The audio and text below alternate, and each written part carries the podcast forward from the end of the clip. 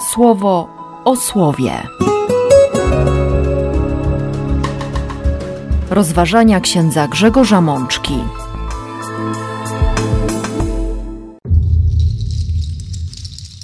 Dziewiętnasta niedziela zwykła, rok B.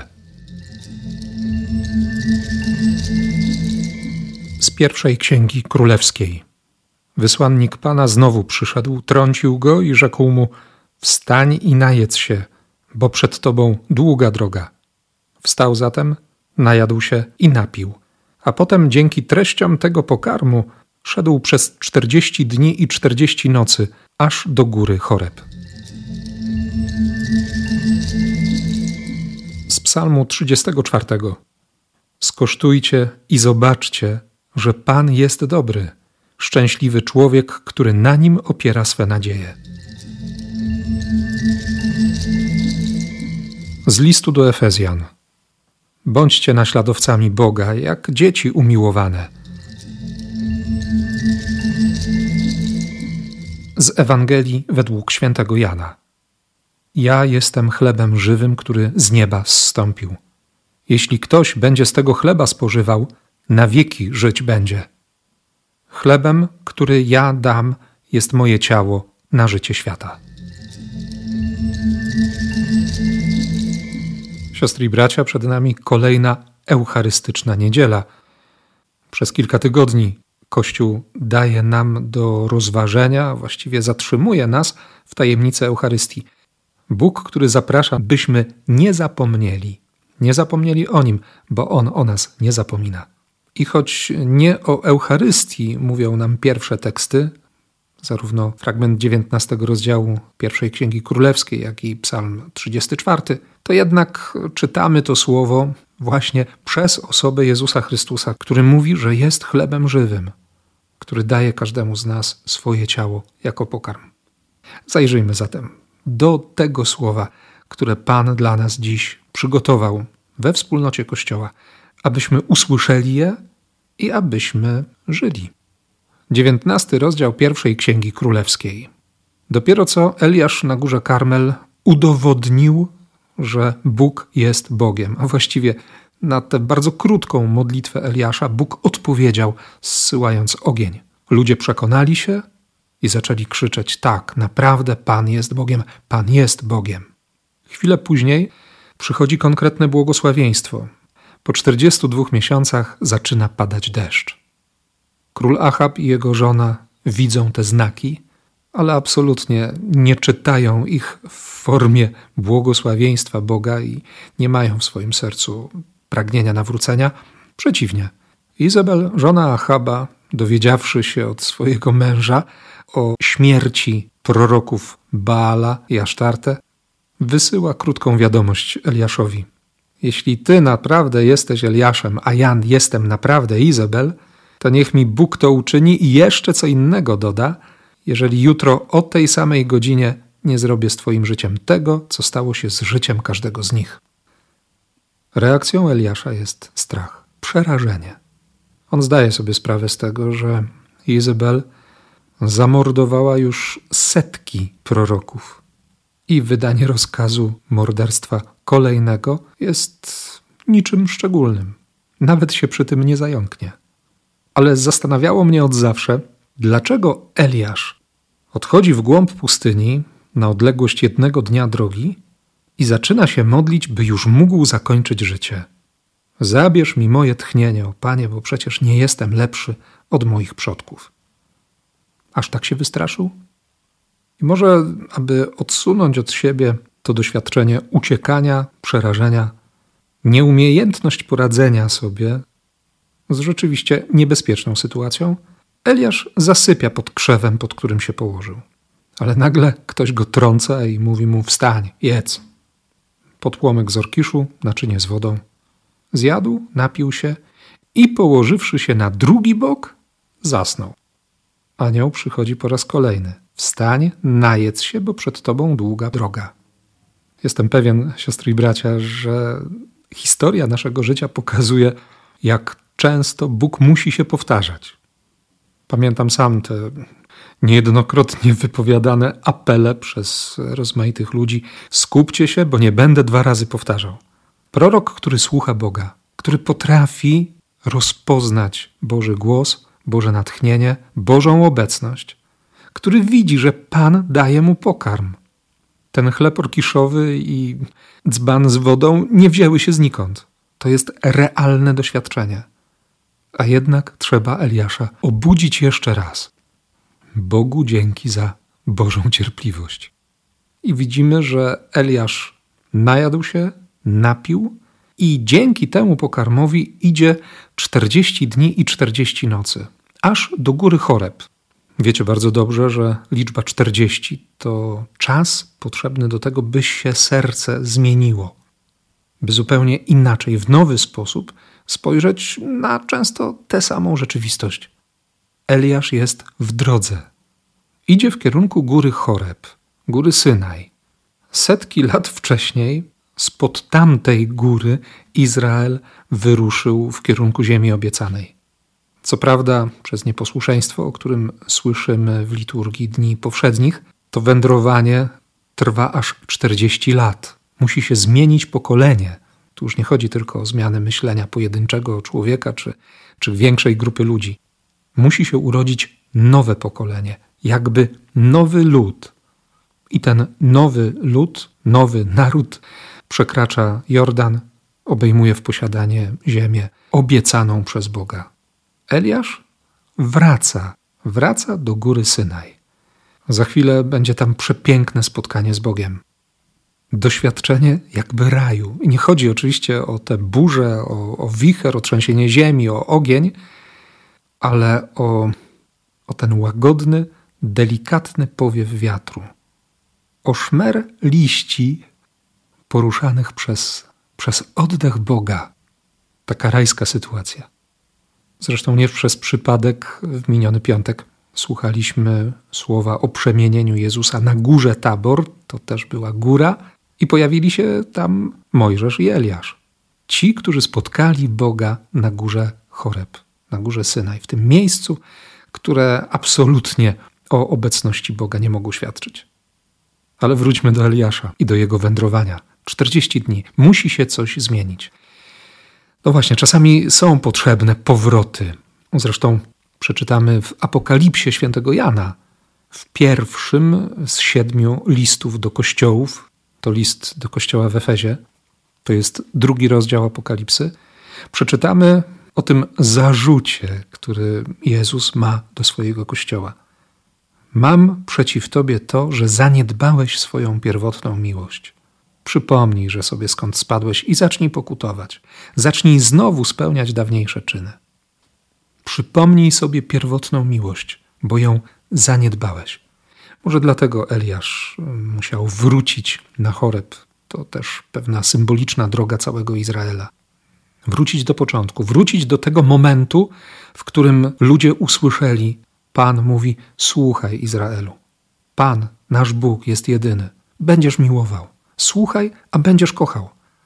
Tam również, pod górą Choreb, Izraelici popełnili grzech bałwochwalstwa, zdradzili Boga, ulepili sobie złotego cielaka.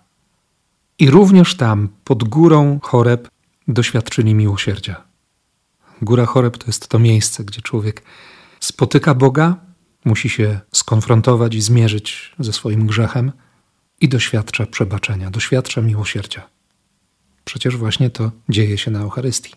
Znak krzyża zaraz na początku to uświadomienie sobie, że, że Bóg jest tutaj. Bóg jest dla nas, Bóg jest z nami. Chwilę później konfrontacja z grzechem, akt pokutny. I wreszcie doświadczenie przebaczenia. Najpierw przez słowo, z którym Pan przychodzi, by uzdrawiać, by pokazywać kierunek, by leczyć, by nasycić, by nakarmić. A później ta szansa na, na jedność, na komunię. Niesamowita sprawa, która nieustannie domaga się od nas pogłębienia, tego ciągłego zachwytu. I oczywiście, jak słusznie zauważa ojciec Leon Knabit, przystępując regularnie do komunii, można popaść w rutynę. Ale ten sędziwy Benedyktyn mówi też od razu z filuternym uśmiechem: Ale czy nie jest prawdą, iż ten, kto się systematycznie odżywia, jest w lepszej kondycji od tego, kto sięga po pokarm sporadycznie? My wiemy, że nasz Bóg lubi prostotę. On nie chce nam komplikować życia. I wbrew pozorom, to co Bóg mówi, wcale nie jest ani nieosiągalne, ani nie wiadomo jak trudne. O tym właśnie musi się przekonać Eliasz. Dlatego pragnienie śmierci zostaje gdzieś z tyłu, daleko za nim. I Eliasz już jest gotowy na spotkanie z Bogiem z zupełnie innym sercem.